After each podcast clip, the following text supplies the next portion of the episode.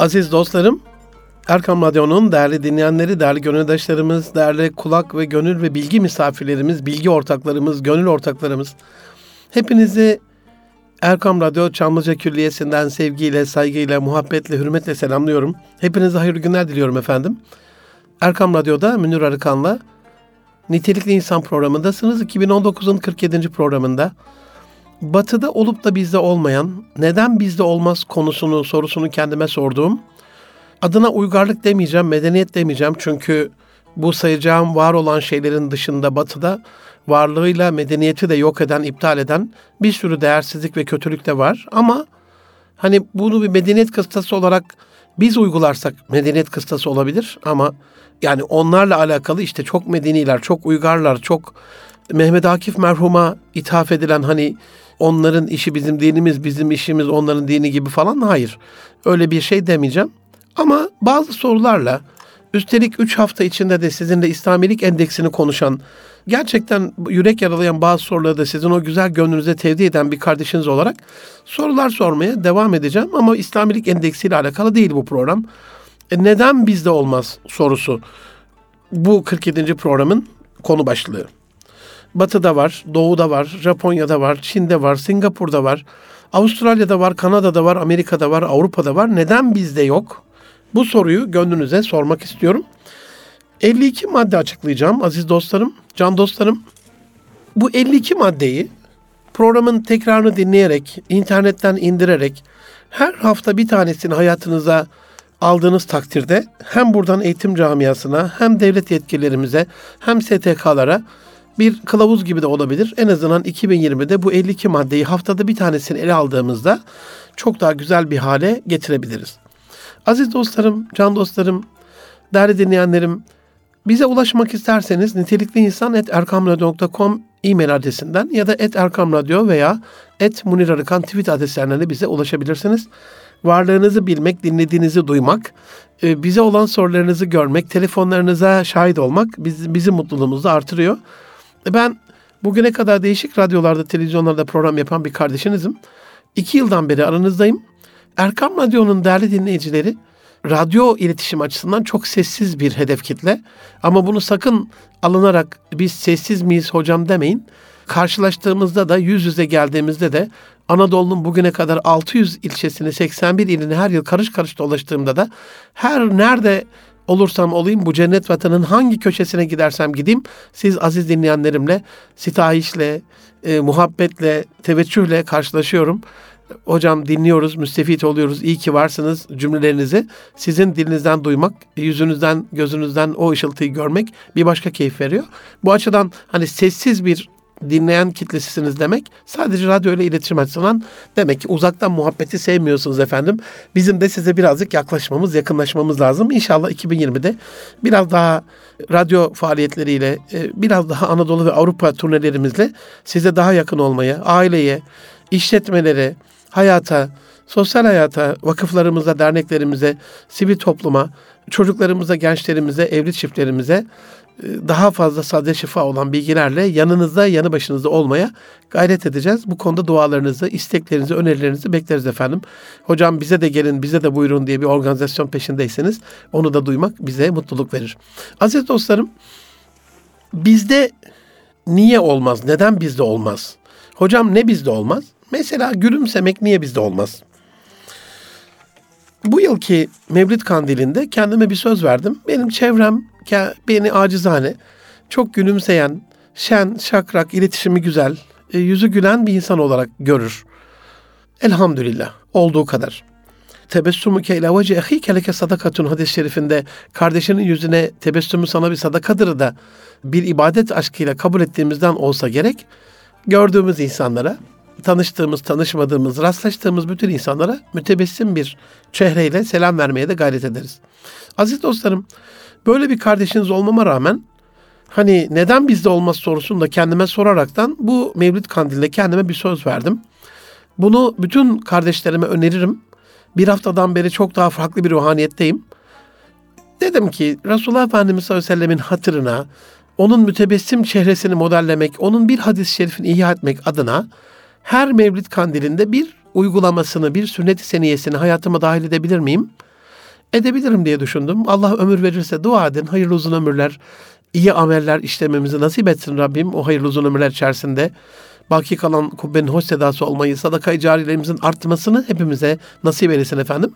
Dolayısıyla bu yılki Mevlid Kandili münasebetiyle kendi hayatıma Resulullah Efendimiz sallallahu aleyhi ve sellem'den aktarmak istediğim, almak istediğim, modellemek istediğim, benchmark yapmak istediğim özelliği, niteliği, güzelliği gülümsemek oldu. Ee, bir hafta on günden beri daha fazla gülümsüyorum. Bazen e, dualarınızı beklerim. Bir, bir iki gündür rahatsızım böbreklerimden. Dualarınızı beklerim. Elhamdülillah yani bizi yatağa düşürecek düzeyde değil ama bir miktar e, arada buna da şükür elhamdülillah ben buradayım dedirtiyor. O hastalığın içerisinde bir hani somurtup asır, e, surat, surat asıp oturacağımıza bunu hatırlayıp ey Münir sen bu yılı kendine gülümseme yılı ilan etmiştin haydi bakalım diye kendimi motive eden bir tarza dönüştürdü. Bu the power of declaration diyor Batılılar buna. Deklar etmenin gücü. E, bunu kullanın aziz dostlarım. Yani sigarayı bırakacaksanız ben sigarayı bıraktım diye hani dini İslam mübinde dil ile ikrar kalb ile tasdik vardır. Allah bilir kalpten geçeni, kalplerde gizleneni. Ona hiçbir şey gizli değildir ama dille de söylememiz gerekiyor. E, bu da bizim bir özelliğimiz. Dolayısıyla söylediğimiz şeyi hani ağızdan çıkanı kulağın duymasının etkisi bir başka bir şey olsa gerek. Bu anlamda yapmak istediğiniz şeyleri kendinize vermek istediğiniz sözleri lütfen sesli bir şekilde ve insanlara deklar ederek ben bundan sonra şöyle bir şey yapmaya karar verdim. İki türlü işinize yarar. Bir, the power of declaration dediğim deklar etmenin gücüdür. O güç sizi motive eder, özgüveninizi geliştirir, size güven aşılar. İki, insanlara bunu deklare ettiğiniz için, beyan ettiğiniz için kendinizi bağlarsınız. Daha sonra da bundan caymanız mümkün olmaz. Sizi rotada tutar, istikamet üzere tutar. Dolayısıyla gülümsemekle alakalı aslında buradaki 52 maddenin her biri bir radyo programının konusu. İleride de bununla alakalı bir şey yapabilir miyim? 2020 e, planlamalarını yapıyorum şu anda bilmiyorum. Ama sizden de bu konuda eleştirilerinizi, önerilerinizi beklerim.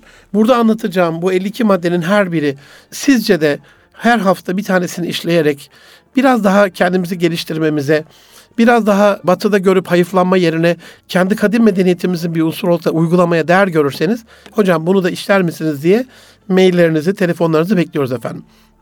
Gülümsemenin şöyle bir özelliği var. Sünnet seniyede var olmasının yanında mütebessim bir peygamberin ümmeti olmamıza rağmen, olmamıza rağmen kanserden koruyucu bir özelliği var. Çünkü gülümsediğimizde serotonin, endorfin, dopamin hormonlarını, mutluluk hormonlarını vücut daha fazla yayıyor. Daha fazla salgılıyor. Ayrıyeten acıyı azaltıcı bir etkisi olduğu görülmüş gülümsemenin e, çok ağrıyor bir yeriniz. E, istem dışı bir şekilde gülümserseniz yani bilinçli bir şekilde bilinçsiz olarak gülümseyemezsiniz. Acı var falan ama kendinizi gülümsemeye zorlayarak ya elhamdülillah buna da şükür diyerek gülümsediğinizde o acının biraz daha düştüğü görülmüş. İyileşme süresini artırdığı görülmüş. Özellikle Alzheimer gibi, global atrofi gibi beynin kendi kafatası içinde küçülmesi gibi, beyindeki kalsifikasyonlar, kireçlenmeler gibi konularda e, beyin damarlarının tıkanmasıyla alakalı, kalp rahatsızlıkları alakalı gülümseyen insanlarda bunun daha az olduğu görülmüş. Gülümsemeye devam edelim. Efendim niye bizde yok diye ağlamayalım, neden bizde olmaz diye hayıflanmayalım rica ediyorum, istirham ediyorum. Bulunduğumuz külliyede, arkadaşlarımızı gördüğümüzde, yolda, kırda, bayırda, otobüste, toplu taşımada, apartmanda, asansörde, okulda, sınıfta, iş yerinde, koridorda, bahçede kimi görürsek birbirimize gülümseyerek asık suratlı bir şekilde değil de kendimizi çok daha düzgün bir şekilde ifade etmenin, medeni bir şekilde ifade etmenin, mütebessim bir şekilde ifade etmenin, çünkü o gülümsemenin karşı tarafa verdiği bir güven de var. Toplumsal bir çimento aynı zamanda. İnşallah bunu uygulamak nasip olur. Efendim neden bizde olmaz? Ne olmaz hocam? Nazik ve kibar olmak bizde neden olmaz? Aşk olsun hocam biz nazik ve kibar değil miyiz? Efendim e, hiç yaşamıyor musunuz? Mesela kamuda devletimizin bizim işimizi çözmek üzere giden bürokratları bize zorluk çıkarttığında, kaba davrandığında, kaba ve saba davrandığında, yani vergi dairesine gidiyoruz, borcumuzu ödemek üzere gidiyoruz oraya. Vergi dairesinden para al, alınmaz ki, para almaya gitmiyoruz. Yani duyarlı vatandaşlar parasını ödemek üzere gitmişler. Kırmızı halı serilip karşılanmanız, kahvelerle, çaylarla, ikramla, izzetle karşılanmanız lazımken bir oraya, bir buraya, bir şuraya. Tamam gidelim hiç sorun değil ama bunu nezaketle yapmak var. Bunu nezaketle yapmadığımızda aziz dostlarım siz de kendinizi rahat hissetmiyorsunuz. Bu sadece kamuda vergi dairelerinde olan bir şey değil. Mesela hastanelerde Rabbim bütün emeği geçenlere başta Cumhurbaşkanımız olmak üzere Türkiye'deki bu büyük sağlık devrimiyle ilgili akın akın yurt dışından fevç fevç hasta geliyor can dostlarım. Yani sağlık sistemimiz batıya göre endekslediğimizde Amerika'ya göre bile değerlendirdiğimizde çok güçlü, fakir fukaranın yanında olan, halkın yanında olan bir ilaç sistemimiz, hastane sistemimiz ve doktor sistemimiz var. Peki o büyük büyük hastaneleri yaptık. İnanılmaz içerisine teknik teknolojik teşhis ve tedavi ünitelerini koyduk. Çok güzel ilaçları hem de ücretsiz olarak cüzi bir para karşılığında insanlara verdik. Ama ve lakin fakat kibar ve nazik olabildik mi? Hayır. Sağlık Bakanlığımızın tepeden tırnağa bütün yetkililerine buradan selamlıyorum. Lütfen kendilerini kandırmasınlar. Şu anda açılan o büyük büyük o kallavi şehir hastanelerinde hastalarına iğrenç şekilde davranan doktorlar, hemşireler, hasta görevlileri, hasta bakıcılar, insan pedagojisinden, psikolojisinden anlamayan, insanın hayatını hiçe sayan doktorlarımız lütfen onların dost olduğumu biliyorlardır. Kongrelerinde gelip konuşuyorum. Eczacılarımız onların dost olduğumu biliyorlardır. Bu lütfen bir öz eleştiri. Yanlış anlamayacaklarını biliyorum. Ama yaşadığım bütün süreçlerde de bir miktar kibarlığın işi çok kolay bir hale getirecekken bile onların o asık suratları, ketum davranışları yani yavrum Ahmet Eray yeğenimi 7 ay e, Cerrahpaşa'da çocuk nöroşürüsünde iki defa, üç defa ameliyat oldu beyin ameliyatı. iki buçuk aylık bir yavru. Düşünün. Yani yoğun bakımda kedinin ciğere baktığı gibi kasabın önünde bekleyen kediler gibi bekliyorduk ve düşünün dışarıdaki onu bekleyen canların herhalde bir haber alma özgürlükleri ve hakları vardır değil mi? Doktorun da onlara bir bilgi verme. Yeminle söylüyorum aziz dostlarım hiçbir şey tınmadan, sizi önemsemeden yanınızdan pas geçip gidiyorlardı. Ve aracı koyduğumuzda da ne için aracı koyuyoruz efendim? Hani tedavi şeklini değiştirsinler diye mi? Hayır. Avrupa'dan, Çin'den getirdiğimiz yeni bir ilacı kullansınlar diye mi? Hayır. Bize bir iltimas geçsinler diye mi? Hayır. Sadece içeride olan bitenle ilgili bize küçük bir bilgi versinler diye. Ve asla ve asla vermediler. Melettiler böyle bizi. Şu anda gittiğim sağlık merkezlerinde de bunu yaşıyorum. Hastanelerde yaşıyorum. Daha geçenlerde Kanuni Sultan Süleyman Hastanesi'nde Sema Hatun'un bir ameliyatı vardı eşimin. Yani ameliyatı yapan doktordan fırça üstüne fırça yediğimiz yetmedi yaptığı ameliyatla alakalı bilgi alamadık aziz dostlarım. Hani ben şimdi anlatırken bu iki örneği niye verdim? Ya doktorlarla ilgili herkes ıı, ıı, söylüyor, konuşuyor. Doktorları bir de dövüyor hocam. E, doktora şiddete paye mi veriyorsun diye serzenişte bulunmayın diye en son yaşadığım iki olayı size arz ettim. Halbuki benim gönlüm nerede biliyor musunuz? Nazik ve kibar olmakla ilgili. Haseki Sultan'ın bundan yüzlerce yıl önce kurduğu medeniyeti getirip kurabilirsek hastanelerde Haseki'de biliyorsunuz Cerrahpaşa'ya doğru giderken hastanede hastaların yanında o zaman hastane diye bir şey de yok gerçi. Keşke bunun adını biz de Osmanlı'daki gibi Selçuk'taki gibi şifahanelere dönüştürebilsek. Çünkü hasta girip hasta çıkıyorsunuz. Sağlıklı girip yine hasta çıkıyorsunuz. Adı hastahane çünkü.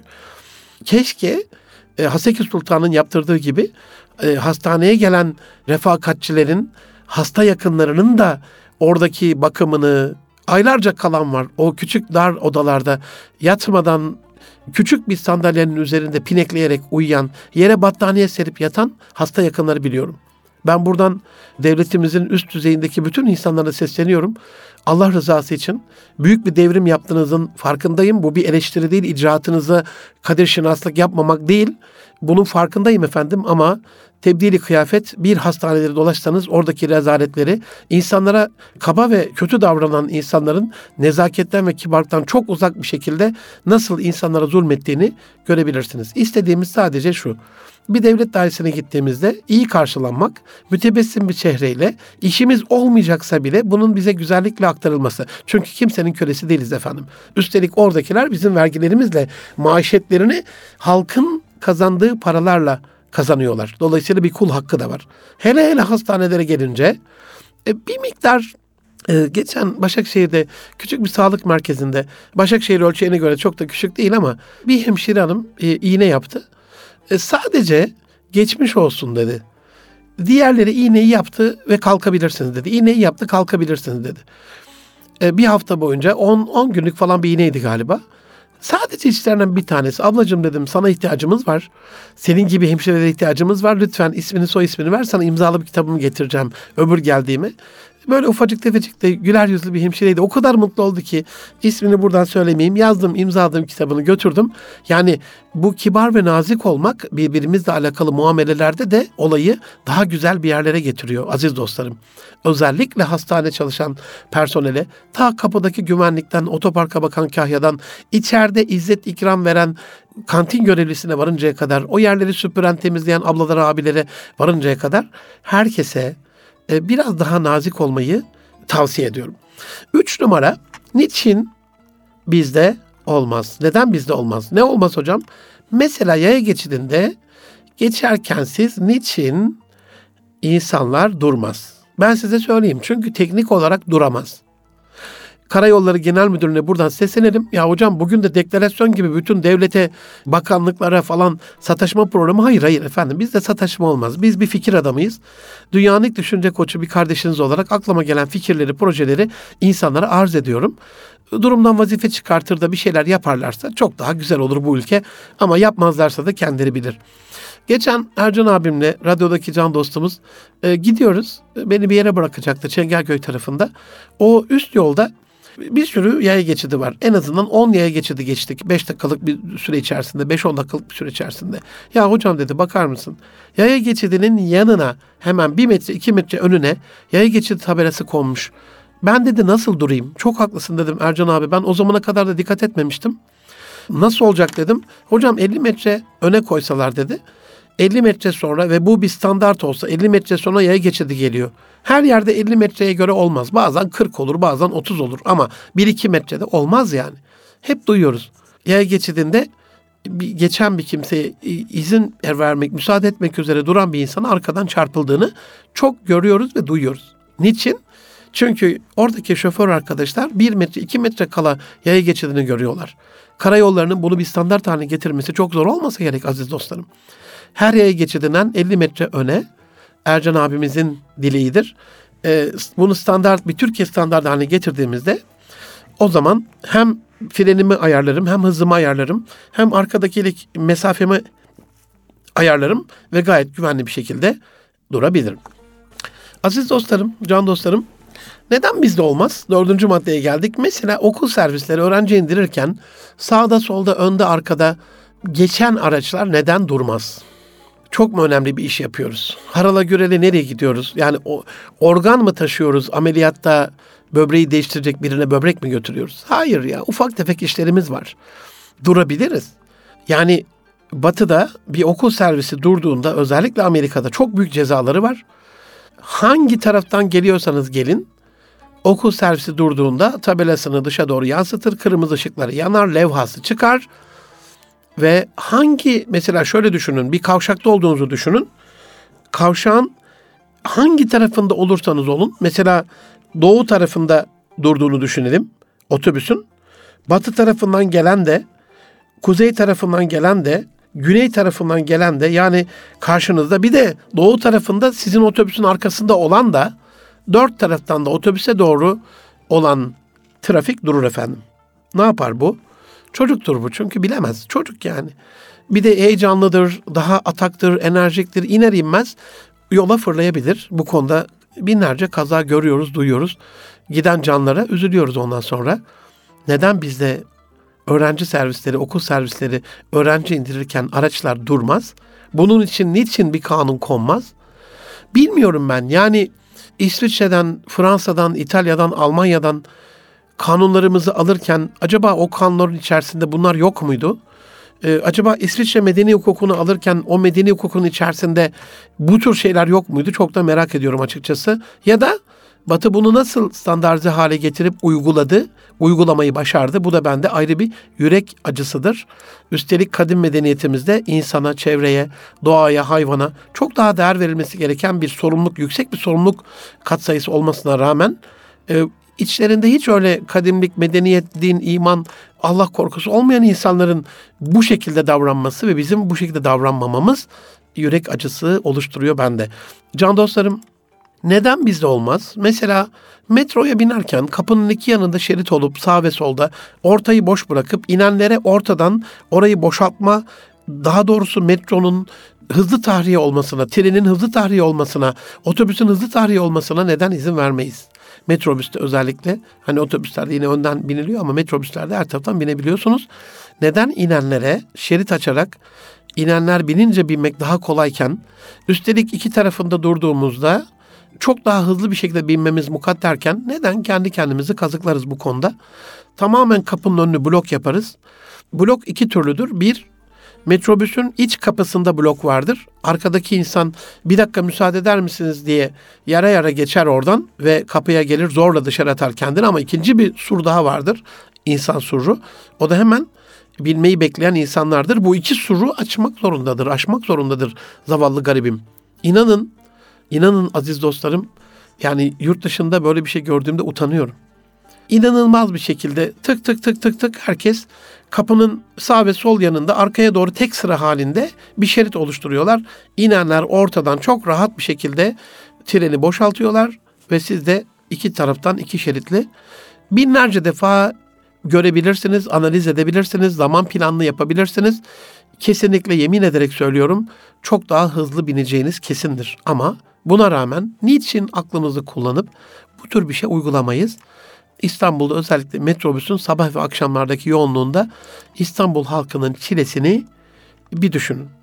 Tabi bu iki taraftan şerit olmak sırayla alakalı da bir şey. Bu bir sıra kültürü, sıra medeniyeti. Mesela e, çok basit bir şey söyleyeyim. Neden Allah'ın evinin içerisinde bir köşesine gömülü cennet taşı Hacer Esved'i öperken insanları ezmek, ağızlarını burunlarını kırmak, onları yamultmak, hanımefendileri taciz etmek zorunda kalıyoruz? Şey olarak değil bu bilinçli bir tacizlik değil Allah muhafaza. Hani Kabe'de de böyle bir şey yapılmaz herhalde diye düşünüyorum. Ama öyle bir yapış yapış ki insanlar birbirine kim kime dumduma neden? Neden olduğunu söyleyeyim. Çünkü dört bir taraftan geliyorlar. Yani şöyle söyleyeyim. Bir tarafı Kabe olduğu için Kabe'nin içinden gelemiyorlar köşe taşında. Ama diğer üç taraftan hücum ederek ya aklın yolu bir. Sadece bir taraftan gelseler tek sıra halinde öpüp gitseler öpüp gitseler o gideceklerin önünde oradan gelmeye çalışanlar Hacer İsvet'e doğru gelmeseler inanın çok daha hızlı bir şekilde öpecekler. Ama 15-20 dakikanız, yarım saatiniz gidiyor. O büyük mücadeleyi canınız çıkıyor, pestiliniz çıkıyor. Mahvoluyorsunuz. Bir de hanımefendiyseniz tacize de uğruyorsunuz. O kadar erkeğin içerisinde oranız, buranız, şuranız inanılmaz bir Allah'ın evinde inanılmaz bir çirkeflik, iğrençlik. Bize hiç yakışmayan. Halbuki çok basit değil. Ee, bir kere rastladım Medine-i Münevvere'de. Hani o büyük brandalar açılırken grup grup alıyorlar ya insanları. 25-30 metrekarelik ya da 50-60 metrekarelik bloklarda içerisinde o brandanın içerisinde açılıyor. Bir bugüne kadar bir Arap kardeşim oradaki görevli açmadan evvel brandayı kardeşlerim dedi Resulullah Efendimizin huzurundayız. Lütfen biraz sonra onun huzuruna doğru gideceğiz. Yürüyüşünüzü ona göre koşmanın falan alemi yok. Herkes oraya doğru gidiyor dedi yani. Lütfen dedi yani. Biraz konuştu bir dakika. İlk defa ömrümde branda açıldığında insanlar çok yavaş, ağır ağır sanki meleklerin kanadının üzerinde gibi gitti. Onun dışında sağa sola bakıyorum. İnanılmaz yani burada tasvir etmeyeyim ben o güzel insanları nasıl koştuklarını, nasıl böyle birbirini ezerek oraya gittiklerini. Ne yapacağız? Kendimizle ilgili bir sevap kazanırken arkadaşımıza zarar vermek, menfaatimizi artırıp onlara zarar vermek bizi başka bir günahın içerisine sokmuyor mu sizce? Aziz dostlarım, Bizde Neden Olmaz serisi herhalde birkaç hafta daha devam eder. Şu anda kısa bir ara vereceğim. E, bu kısa aranın sonunda bizde neden olmaz, neden bizde olmaz kısmının ikinci yarısında yeniden sizlerle beraber olacağız efendim. Az sonra görüşmek üzere.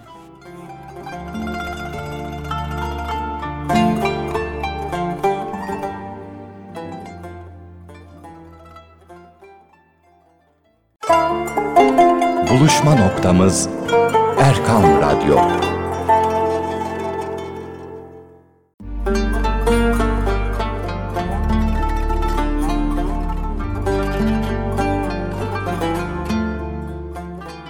Aziz dostlarım, can dostlarım, Erkam Radyo'da Münir Arıkan'la Nitelik İnsan programının ikinci yarısındasınız.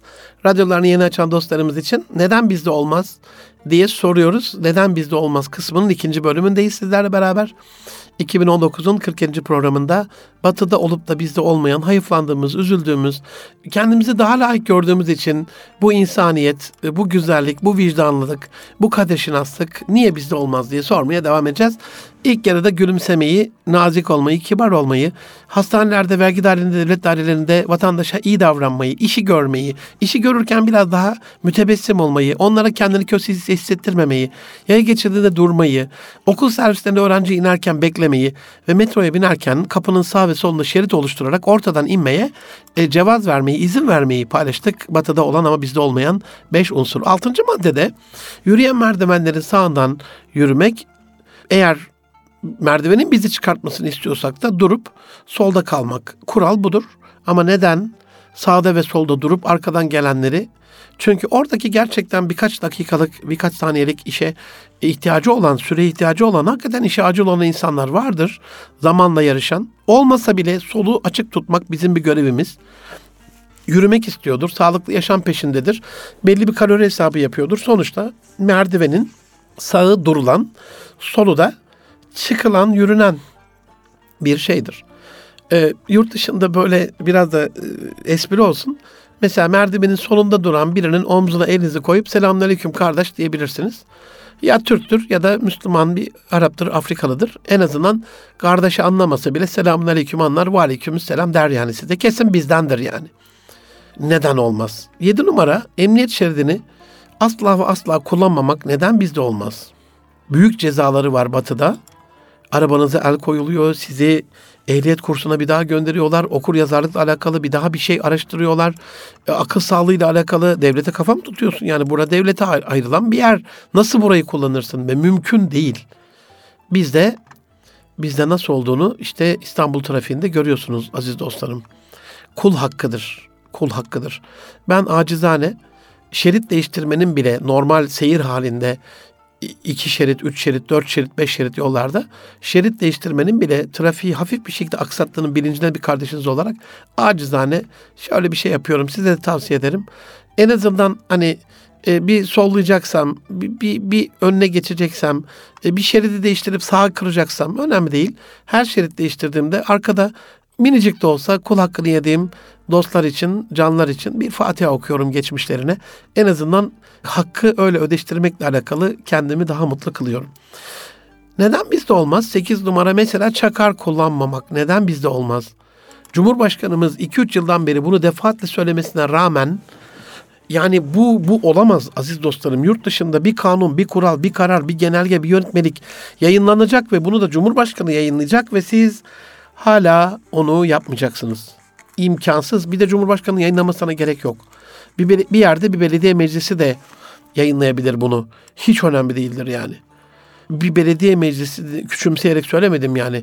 En küçük yerel yönetim olduğu için bir bölgede küçük bir yerde de olabilir. Hiç önemli değil ama buna uymak zorundasınız. Geçen bununla ilgili e, Mahmut Bey gişeye doğru giderken iki tane kamu görevlisinin yani herhalde büyük ihtimalle koruma olduğunu düşünüyorum. Duramadığım için de çok üzüldüm. Sonra basında çıktı bu. Bir, bir milletvekilimizin korumalarıymış.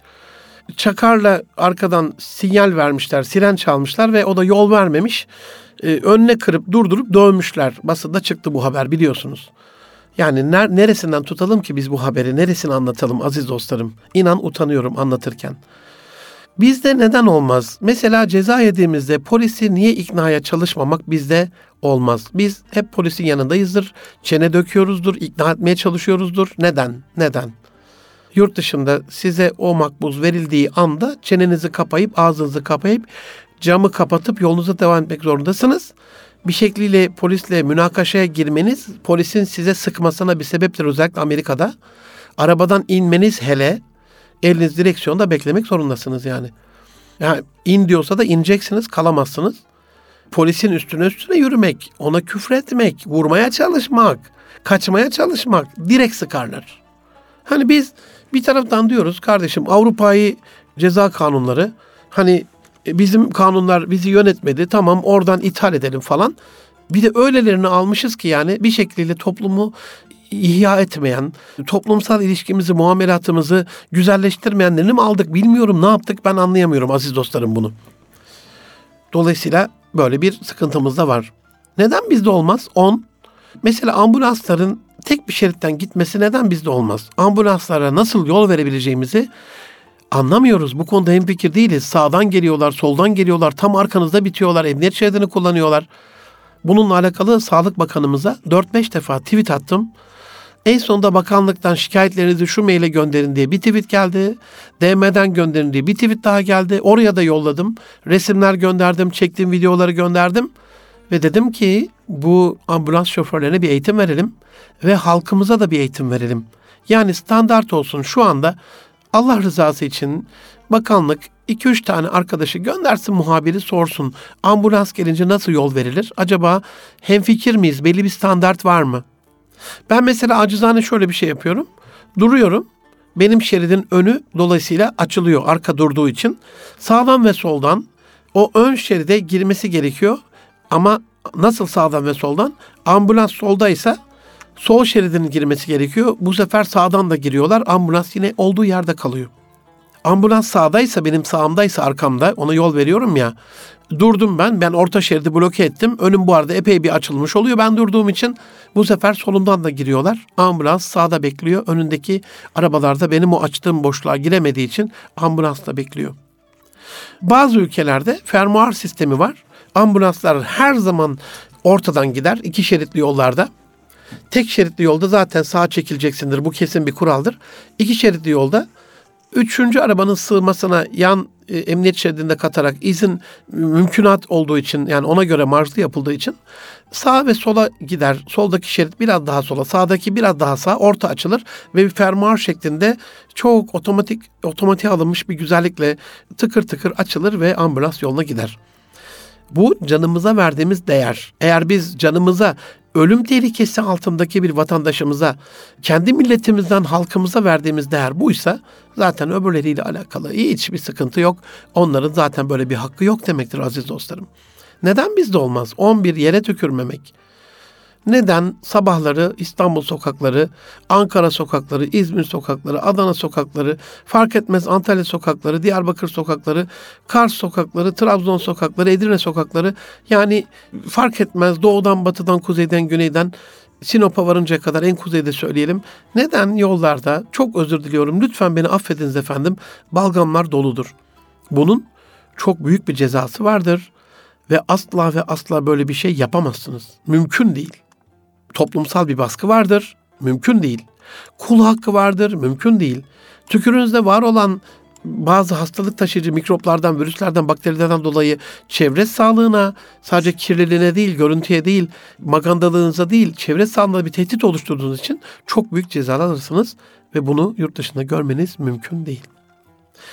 Ne yapılır? Her şey ceza mı? Eğitimle alakalı keşke yani bir yıl boyunca Milli Eğitim Bakanlığımız bu 52 konuyu ele alıp çocuklara 4 artı 4 artı 4'te her yıl haftanın bir değerini niye bizde olmaz çocuğum bu da bizde olsun sen bunu yap diye keşke anlatmış olsa ama biz anlatmaya devam edeceğiz.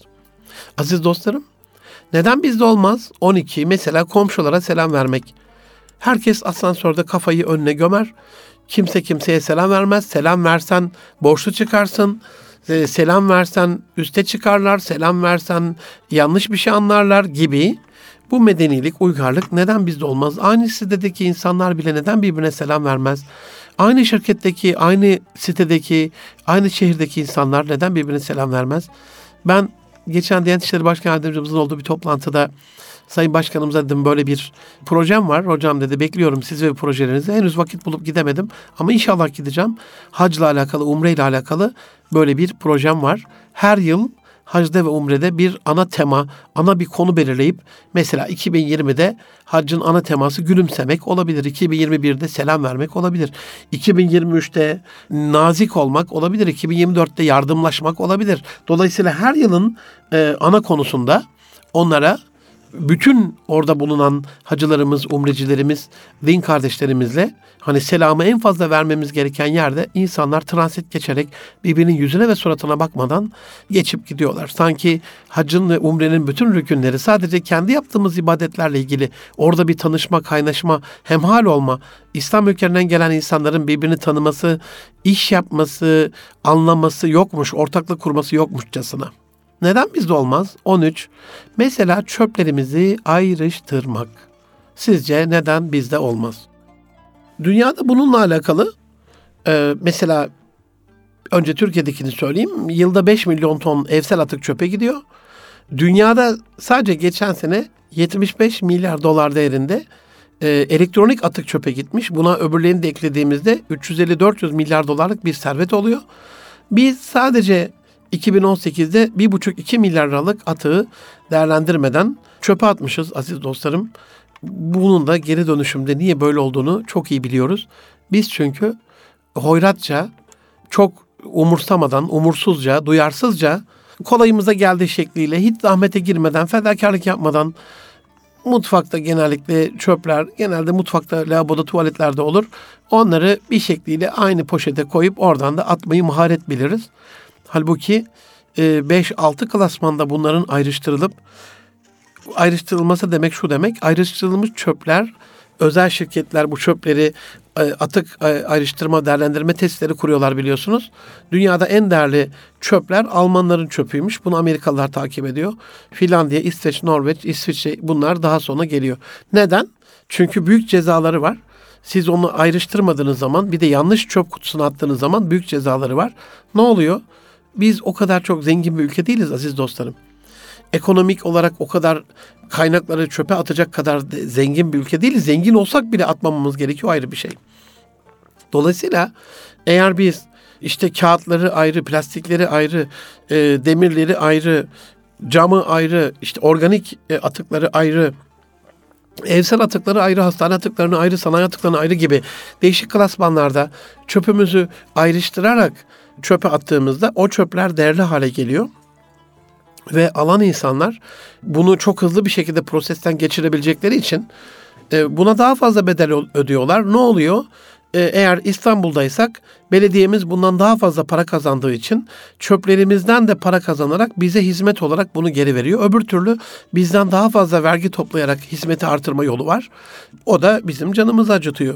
Sadece çöpe atıp savurduğumuz bir şeyi ayrıştırarak verdiğimizde bilmiyorum e, bu neden bizde olmaz? Sadece soruyorum. Neden bizde olmaz? E, mesela 14. maddede organik atıkları toprağa kazandırmamak, toprağa kazandırmak neden bizde olmaz? Çekirdekleri ayrı götürüyorlar, kabukları ayrı götürüyorlar, evsel atıkları ayrı götürüyorlar. Bu toprağın hakkı diyorlar. Hollanda'da böyle bir apartmanda küçük bir balkonda büyük bir valil görmüştüm. Toprağı almış Biraz evsel atık koyuyor. Dört parmak kadar. Üstüne dört parmak toprak ekliyor yandaki şeyden çuvaldan.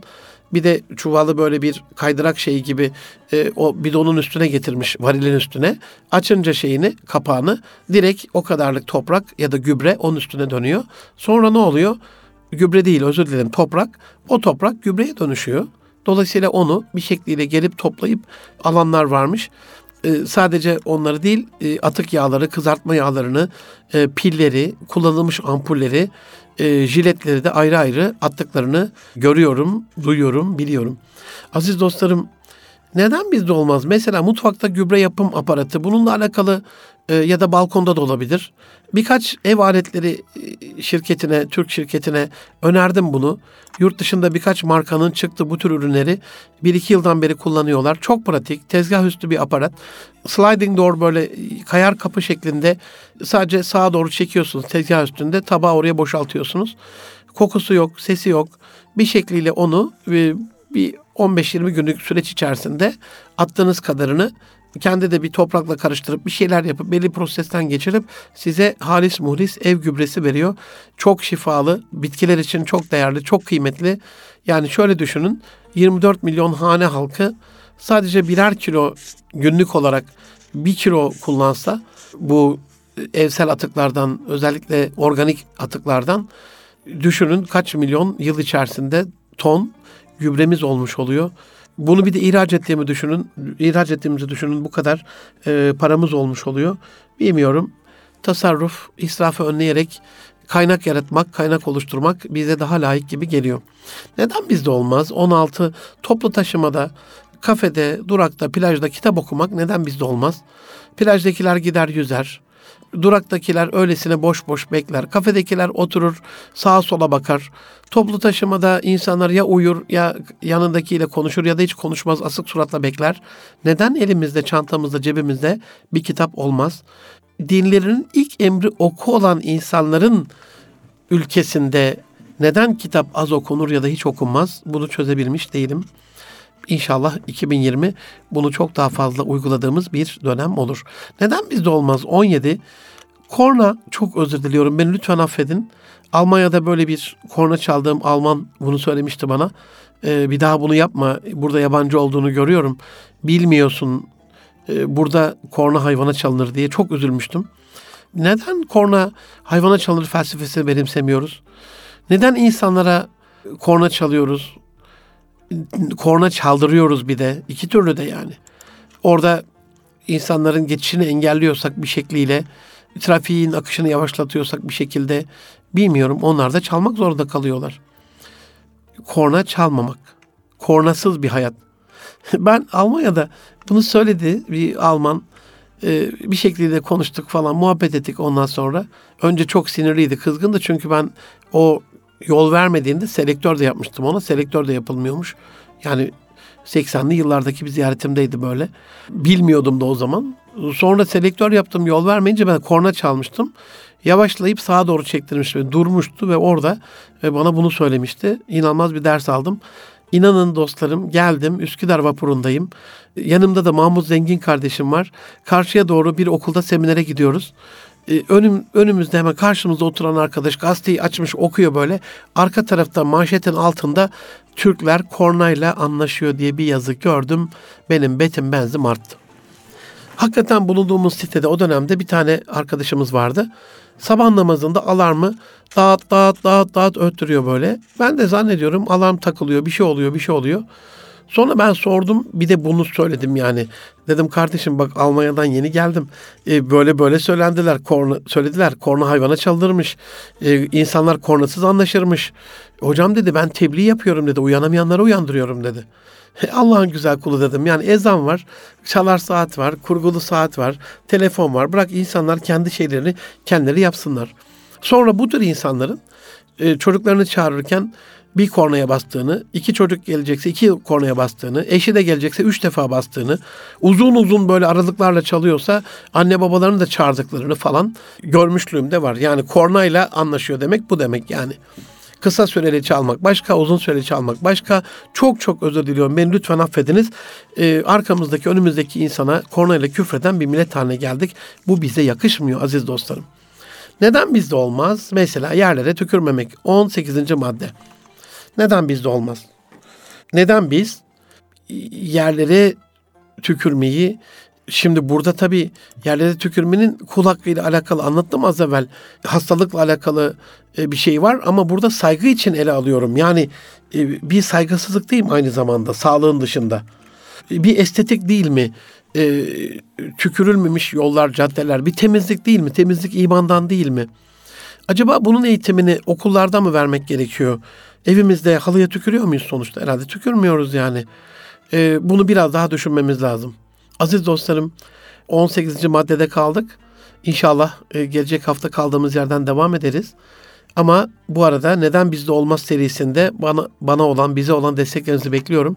Hocam e, şu ülkede yaşıyorum, bu ülkede bulunuyorum. Böyle bir güzellik var ama niye bizde yok? Bunu hayıflanıyorum dediğiniz örnekler varsa bekleriz efendim. Gelecek hafta görüşünceye kadar her şey gönlünüzce olsun. Hoşçakalın. Allah'a emanet olun efendim.